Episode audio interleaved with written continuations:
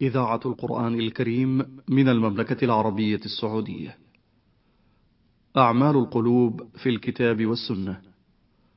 برنامج أسبوعي من إعداد وتقديم الدكتور عبد الله ابن وكيل الشيخ. تنفيذ عبد الكريم المجحد. بسم الله الرحمن الرحيم. الحمد لله رب العالمين.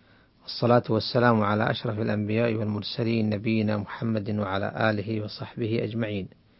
أيها الإخوة المستمعون السلام عليكم ورحمة الله وبركاته وبعد.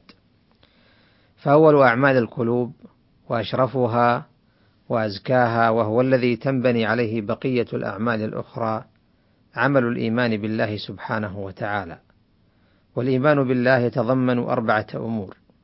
الأول الإيمان بوجوده سبحانه وتعالى، والثاني الإيمان بانفراده في الربوبية، والثالث الإيمان بانفراده في الألوهية، والرابع الإيمان بأسمائه وصفاته. فالإيمان الحق هو الذي يتضمن هذه الأربعة، فمن لم يؤمن بوجود الله فليس بمؤمن، ومن آمن بوجوده ولكن جعل له شريكا في تصريف أمر المخلوقات وإيجادها وإعدامها فليس بمؤمن. ومن آمن بانفراد الله في الربوبية ولكنه عبده وعبد معه غير وعبد معه غيره أو لم يعبده فليس بمؤمن. ومن آمن بوجود الله وانفراده بالربوبية والعبادة ولكن لم يؤمن بأسمائه وصفاته فليس بمؤمن. وإن كان هذا الأخير فيه تفصيل فمنه ما يسلب عنه فمنه ما يسلب عن تاركه الإيمان بالكلية ومنه ما يسلب عنه كمال الإيمان. وإن المتأمل في القرآن الكريم ليدرك أهمية هذا العمل في كتاب الله فيظهر له أنه الذي عليه مدار الإسلام وهو أكثر الأعمال ورودا في كتاب الله لأن القرآن الكريم إما حديث مباشر عن الله سبحانه وتعالى ذاته وأسمائه وصفاته وأفعاله كما في آية الكرسي وسورة الإخلاص وإما دعوة إلى عبادته وحده لا شريك له. وترك ما يعبد من دونه من الآلهة الباطلة. وهذا تعريف بما يستحقه الله عز وجل من إخلاص العبادة له. ودعوة للقيام بهذا الحق العظيم لله على عباده. وإما أمر بطاعته ونهي عن معصيته جل جلاله. وهذا مقتضى الإيمان الصادق. ولهذا كان العمل بالطاعة أحد أركان الإيمان. وإن كان منشأ الإيمان ومبعثه في أول درجاته من القلب.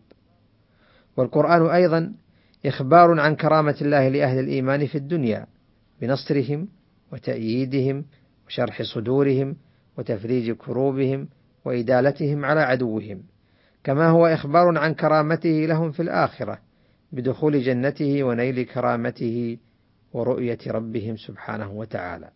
وهذا وذاك حديث عن جزاء الإيمان به سبحانه وتعالى.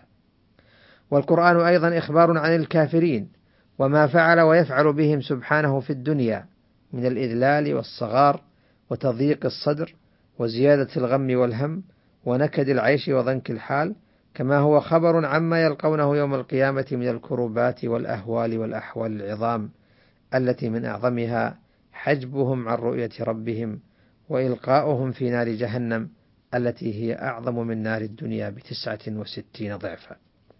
وهذا الحديث بيان لجزاء من أعرض عن الإيمان بالله.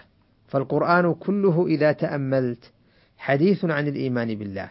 ولذا فإن ذكر الله عز وجل بأسمائه وصفاته ورد في القرآن عشرة آلاف واثنان وستون مرة أي أنه سبحانه يمر ذكره في الصفحة الواحدة قرابة عشرين مرة في المتوسط.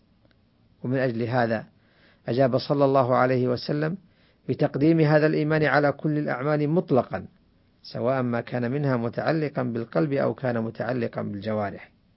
روى الشيخان واللفظ لمسلم عن أبي هريرة رضي الله عنه أنه قال سئل رسول الله صلى الله عليه وسلم أي الأعمال أفضل؟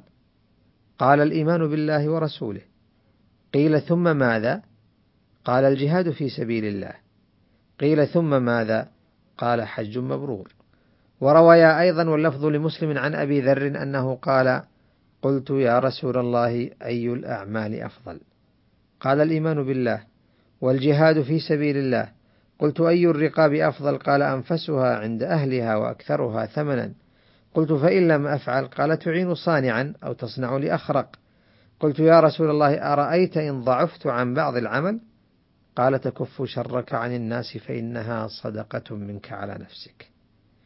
وإنما اكتسب الإيمان هذا التقديم لأمور ثلاثة. أولها أنه متقدم على الأعمال في الوجود فلا تتأتى بقية الأعمال إلا بعد وجوده فلا تكون صلاة ولا صيام ولا بر ولا غير ذلك إلا بعد وجود الإيمان. أما مجرد وجودها أو بعضها من الناس كما يوجد من الناس بر وإحسان وصدق ووفاء فإنها لم تفعل حينئذ على وجه الإيمان وإنما على وجوه أخرى متعددة. والأمر الثاني أن الإيمان شرط في صحة تلك الأعمال واستحقاق فاعلها لثواب أهل الإيمان.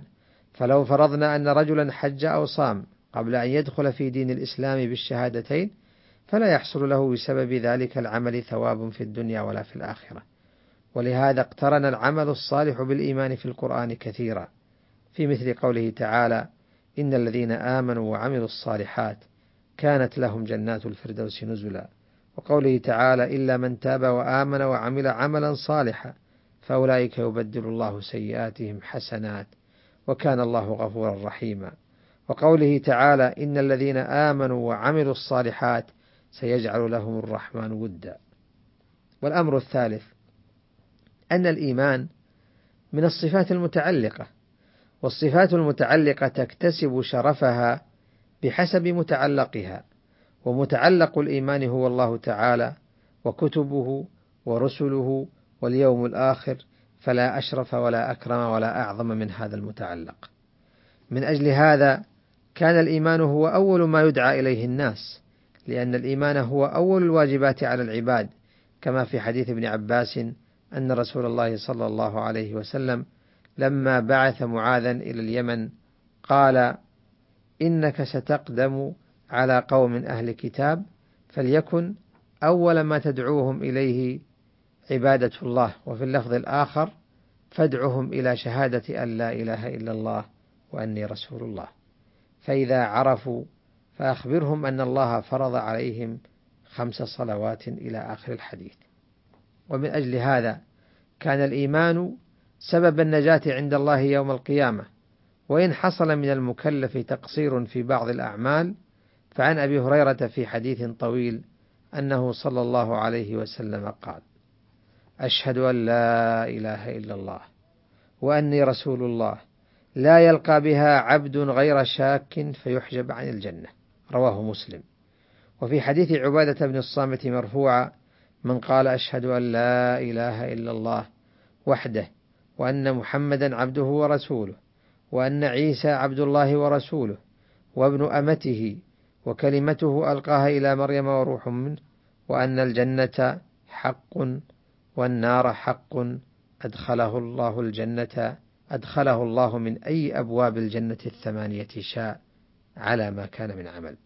والمقصود أن أهل الإيمان مصيرهم إلى جنة الله وإن استحقوا التطهير بدخول النار حينا إذا كانوا متلبسين بالكبائر إلا إن شاء الله أن يعفو عنهم فهو على كل شيء قدير وهو بعباده غفور رحيم وإلى اللقاء السلام عليكم ورحمة الله وبركاته.